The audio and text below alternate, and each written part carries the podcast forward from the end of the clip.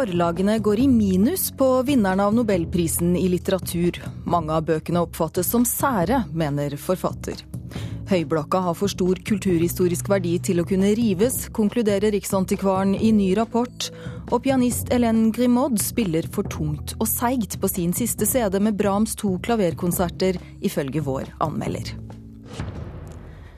Du hører på Kulturnytt med Elisabeth Tøtte Hansen.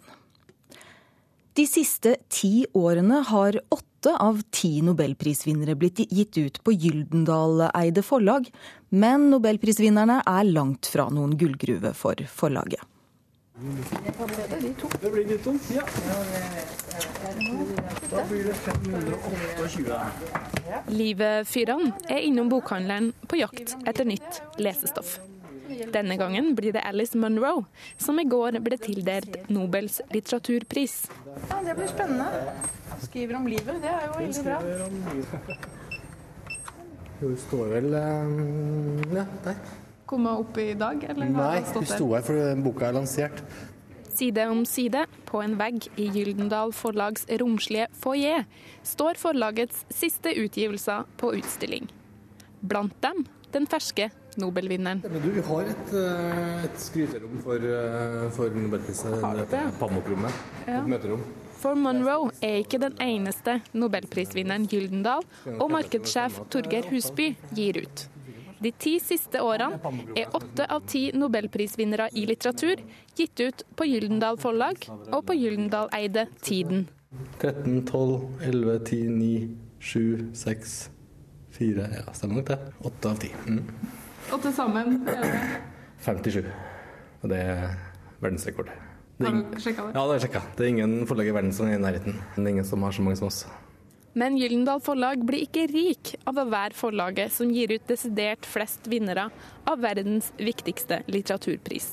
Ingen gullgruve, det skal vi ikke påstå. De fleste nobelprisvinnere tror jeg nesten ikke vi går i pluss på.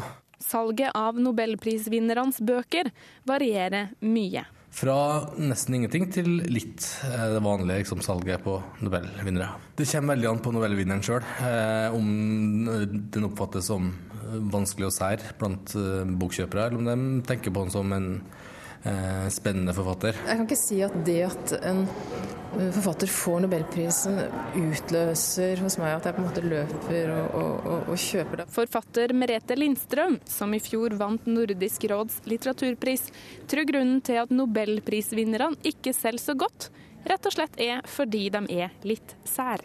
I en periode så var vel det der med 'endeligen', altså at den som fikk nobelprisen på en måte var litt sånn ironisk. Hvem er det? Jo, endelig er det den personen, fordi ingen hadde hørt om denne personen før.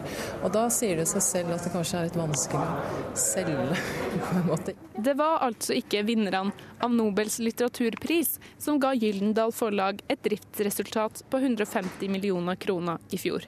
Mye av æra for det må Fifty Shades of Grey-serien få, som forlaget i fjor tjente 25,5 millioner kroner på. Vi er helt avhengig av å ha gode bestselgere for å kunne satse på eh, smalere litteratur. Torgeir Husby i Gyllendal håper at årets nobelprisvinner skal kunne bli, om ikke kiosk, så en bokhandlervelter. Jeg tror det tar av. Jeg tror det blir eh, et bra salg. Jeg tror til og med Alice Monroe kan eh, komme inn på noen bestselgerlister frem mot jul. Blant de 10-15 mest solgte pocketbøkene tror jeg fort vi kan se Alice Monroe. Hos Nordli er interessen i alle fall til stede, sjøl om alle kanskje ikke har fått øynene opp for Monroe enda. Ja, jeg vet ikke hvem hun er, dessverre. Du vet ikke hvem er, men tror du du kommer til å undersøke det nå? Gjett om jeg gjør det. Det kommer jeg til å gjøre. Reporter Helga Ragnstad.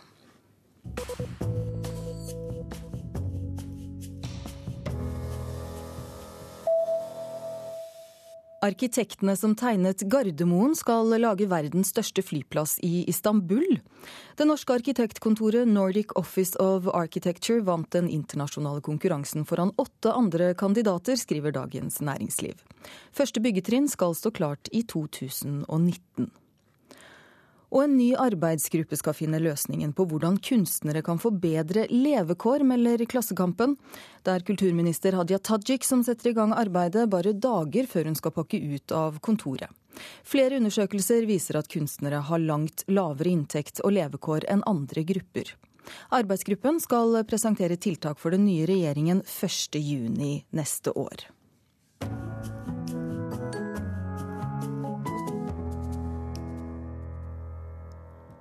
Nobelprisen i litteratur ble altså kunngjort i går, og i dag annonseres vinneren av Nobels fredspris.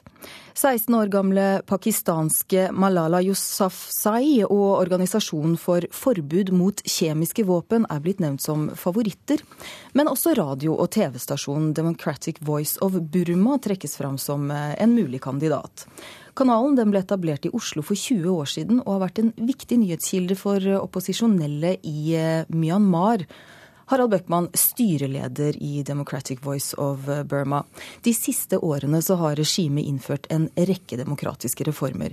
Hvilken rolle har eh, Democratic Voice of Burma spilt i den utviklingen vi ser i Myanmar, som altså er Burma, det nye navnet på landet? Mm -hmm. Jo, jo mer vi snakker med folk fra regimet, faktisk, eh, så er det helt tydelig hvor viktig radioen har vært. Altså Den har vært viktig som en stemme for vanlige burmesere. Men eh, det viser seg også at eh, regimet sjøl har også vært en ivrig lytter og seer fra Vi starta i fjernsyn i 2005. Så den har helt åpenbart vært bidragsytende til at regimet har kommet på bedre tanker. Ja, På hvilken måte da? Ja, jeg snakka med eh, en av de nærmeste rådgiverne til presidenten i fjor høst. møtte jeg, og Så sier han dere skulle bare visst hvor viktig den har vært for oss. Fordi den fortalte Uh, uh, sannheten, hvordan folk hadde i Burma. slik at Et regime er jo en propp. altså Det blir mindre og mindre reell kunnskap jo lenger du, du kommer opp mot toppen. Så dette har også bidratt til at de sjøl har fått forståelse for hvor dårlig det sto til i landet deres. Men altså, Democratic Voice of uh, Burma ble da etablert i Oslo for 20 år siden, men uh, tidligere i år så, så flyttet ansatte til Asia. Hvordan er arbeidskanalene for kanalen der i dag? Du kan si alle disse årene i Oslo i eksil så hadde jeg en veldig klar motstander. Og alle liksom stilte seg bak dette. Det var, det var krevende. Eksil er jo alltid krevende. Men det var forholdsvis enkelt. Nå nå skal de inn i et annet eh, medielandskap. Så du kan si at nå i åra som kommer nå, vil det virkelig vise seg hvor mye de har eh, klart å eh, bygge opp av kunnskap og forståelse for hvordan allmennkringkasting skal virke. Så i fjor vår så gikk jo de 13 siste av deres journalister som satt i fengsel, gikk de rett fra fengsel og rett på, på jobb for å begynne å jobbe over, over bakken, kan du si. Nå har de 20-30 eh, journalister i Burma fast, og så har de en hel del strengere, og de har åpnet et, eh, et um, produksjonsselskap som de har fått lov til. De får ikke lov til å sende ennå i Burma, så derfor så er hovedkontoret nå flytta fra Oslo til Chiang Mai i Nord-Thailand. Men du sier de får ikke lov til å sende i Burma. Hvordan kommer budskapet til eh, Burma, både til eh, folk og til eh, styret da? Ja, altså, de har ligget, Teknologisk så har de jo ligget mange hestehoder foran regimet. Altså, de er jo gammel og sirumpa treigt regime. Så der, de er, altså, de, det kan jeg si som styreleder, at de er ganske drevne når det gjelder å skape seg det siste utstyret. Du eh, har jo sagt at også styret i landet tar til seg de budskapene dere kommer med via Democratic Voice of Burma. Og nå er også presidenten i landet, Tein Sein, nominert til fredsprisen i år. Hvordan oppfattes det i eh, Myanmar? Eh, forskjellig. Eh, det er nok eh, en god del som syns at han nettopp fordi han har satt i gang denne prosessen Unnskyld fortjener en pris. Men eh, personlig får jeg håpe at eh, de venter en par år iallfall for å se om man kan fullføre det prosjektet som man har satt i gang. Og det er jo mange som sier at eh, nei, altså det at man har satt i gang en demokratiseringsprosess har også ført til at masse konflikter har kommet til overflaten. Og så får man se hvordan man klarer å turnere det på sikt før man begynner å snakke om nobelpris. Helt til sist, da, hvem tror du får Nobels fredspris?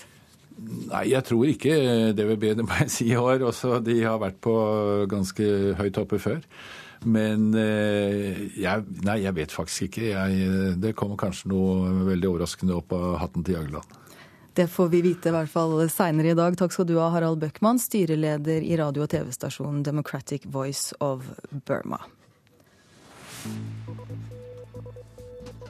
Klokken er 14 eh, minutter over eh, åtte. Du hører på Kulturnytt, og dette er de viktigste sakene i NRK Nyheter akkurat nå.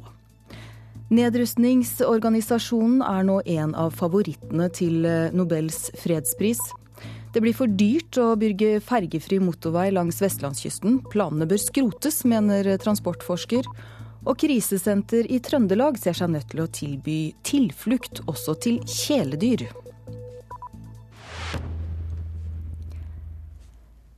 Neste uke feirer Utsira kommune 100-årsjubileet for kvinners stemmerett med et nytt teaterstykke om det såkalte kvinnekuppet i 1925. Eh, Men nå viser det seg at historien slett ikke har noe med kvinnesak å gjøre. Det var nemlig hevnlystne menn som sto bak da kvinner stakk av med 11 av 12 plasser i eh, herredsstyret. Ei lita øy langt ute i havet skjedde det i 1925 en verdenssensasjon. Feministene verden over jubla over denne her en feministseieren, eh, men det var det ikke akkurat. Sier Birgit Amalie Nilsen.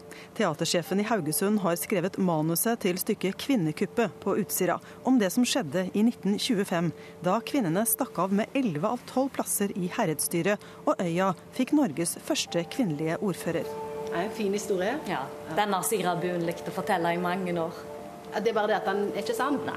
Veldig mange teorier om hva det var. Eh, det som er sikkert, er at ingen av disse kvinnene stilte til valg. Ingen av de ønska å styre. Antageligvis så var det en hevnaksjon. Eh, for det verste fornærmelsen en kunne utsette en mann for, det var å påstå at kona kunne gjøre en like god jobb som han. Så ikke akkurat feminisme. Da stemmer vi. Neste sak. Etter at Åsa Helgesen ble ordfører, tok det hele 52 år før det kom en ny kvinne inn i politikken på Utsira. Det var ingen kvinnesaksstemning i 1925, sier Nilsen. De fleste heller til teorien om at kvinnekuppet var regissert av menn som ville hevne seg på det sittende styret, som hadde startet jakten på skattesvindlere i bygda. Da var det én familie spesielt som ble forfulgt, og som følte at det var veldig urettferdig. Jeg er jo, holdt jeg på å si, tredje generasjon, jeg. Etter de såkalte ulvene som snaut Utsira kommune for såkalte skattepenger. Og det er jo ingen tvil om hva som er den direkte årsaken til at det ble et kvinnestyre i 1925. Det er jo den såkalte skattesaken. Det sier Leif Klovning.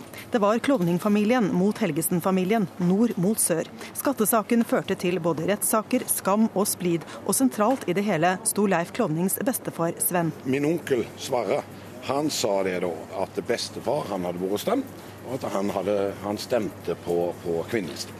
Og da var det for å få skifta ut de som hadde sittet der, ikke sant? Det det ja, så det var jo for å få de vekk. At Kvinnekuppet blir teater i året for 100-årsfeiringen av kvinners stemmerett, det blir litt søkt, synes Leif Klovning. Men altså vinklingen i forhold til kvinnesak og den biten der, den, den syns det blir litt dum, altså. Jeg syns det, altså. Han har styrt våre him i alle år. Hva er vel en kommune annet enn en eneste store him?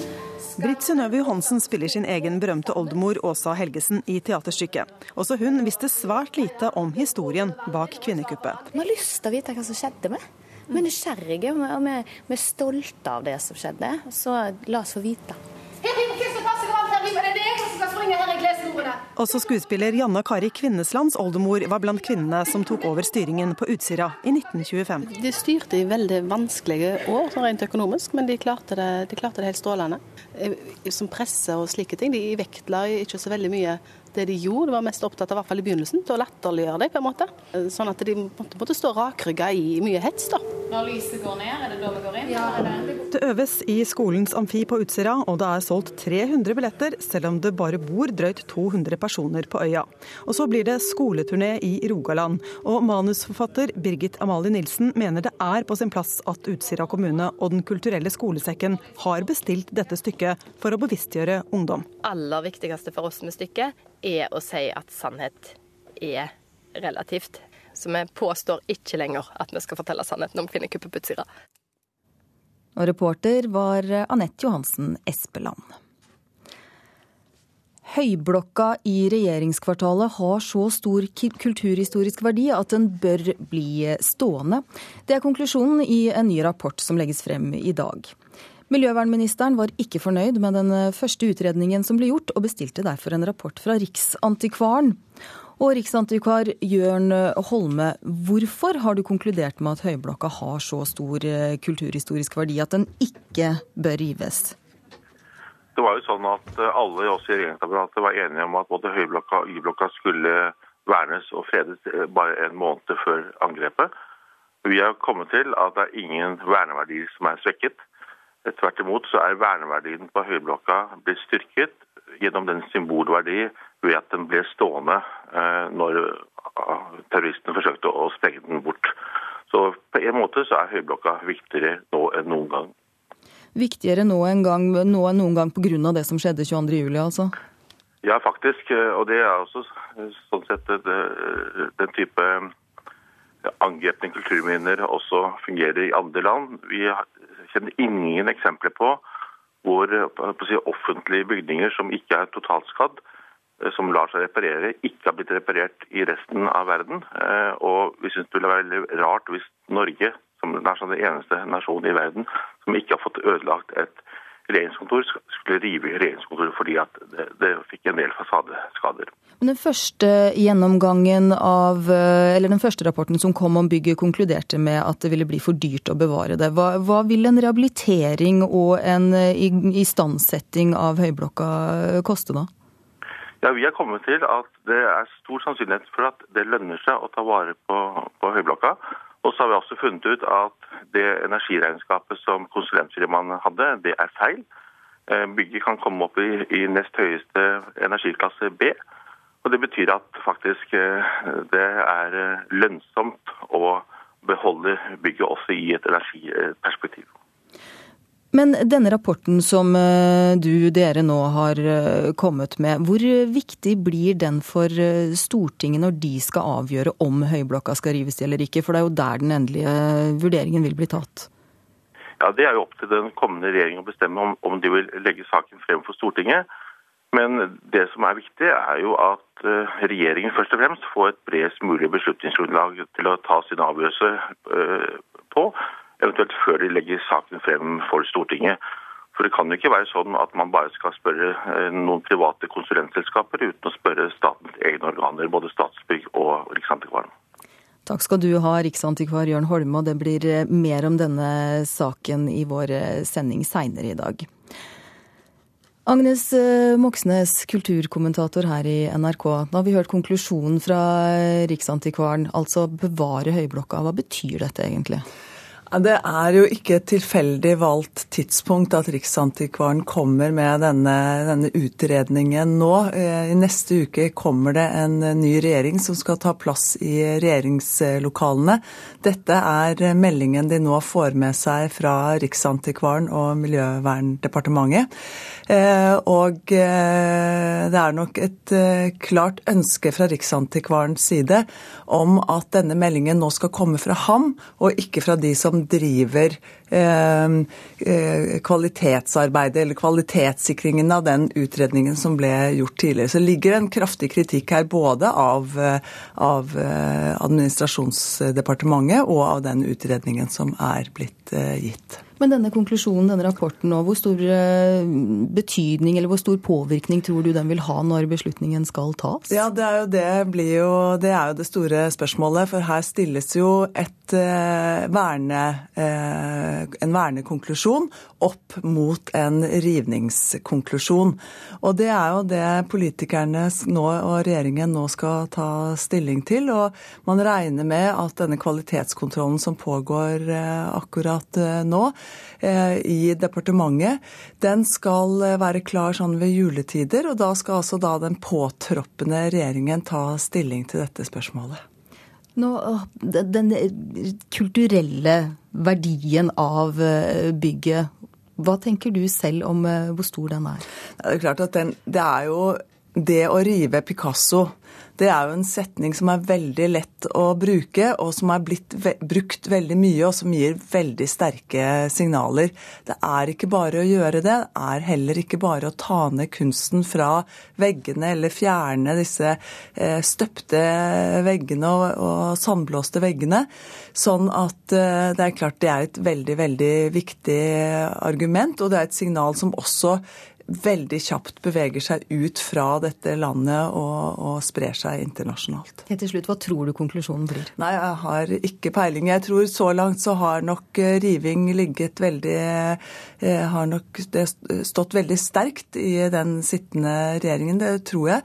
Men vi vet veldig lite om hva særlig Høyre mener i denne saken her sentralt. Så dette blir eh, avgjort i eh, Stortinget. Vi får se når. Agnes Moxnes, kulturkommentator eh, i NRK.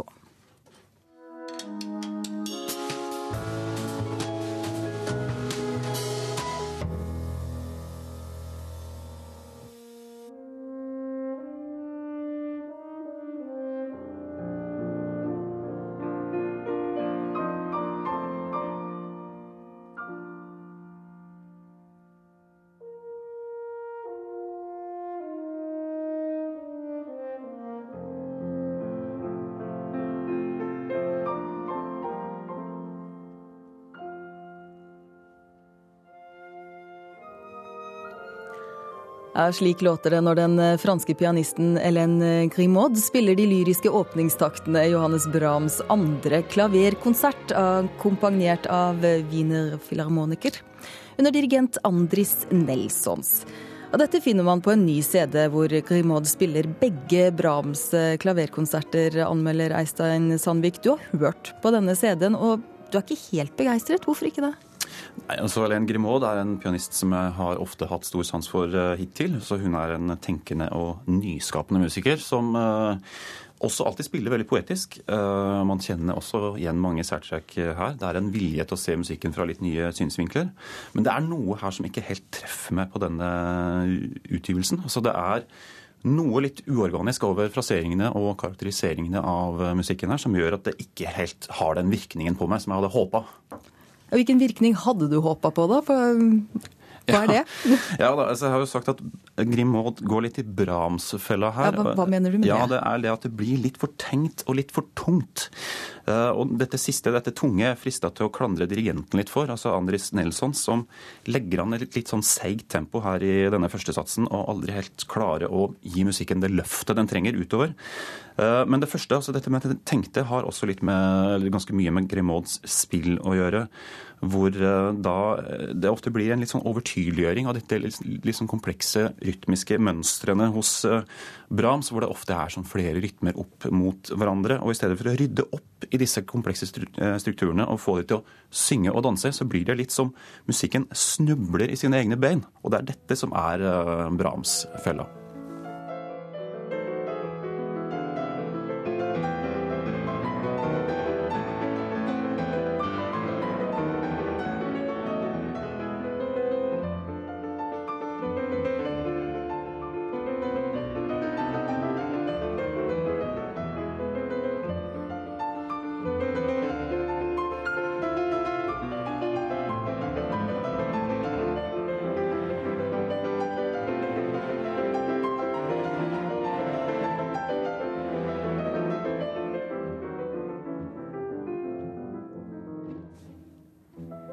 Andre sats er fra Brahms klaverkonsert, altså med Hélène Grimaud som sitter ved flygelet, og Andris Nelson som eh, dirigerer Wienerfilharmonikerne.